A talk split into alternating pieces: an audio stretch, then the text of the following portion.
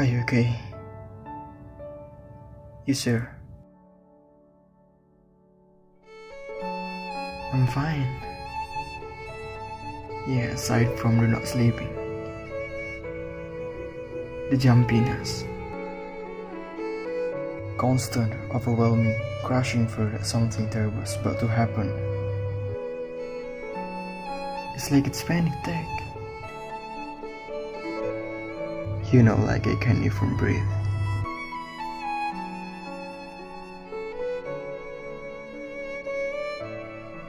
I want to fall up and stop. I didn't want to think anymore. I'm done. I've had enough. I just kept going. How do you keep going when the worst thing has happened?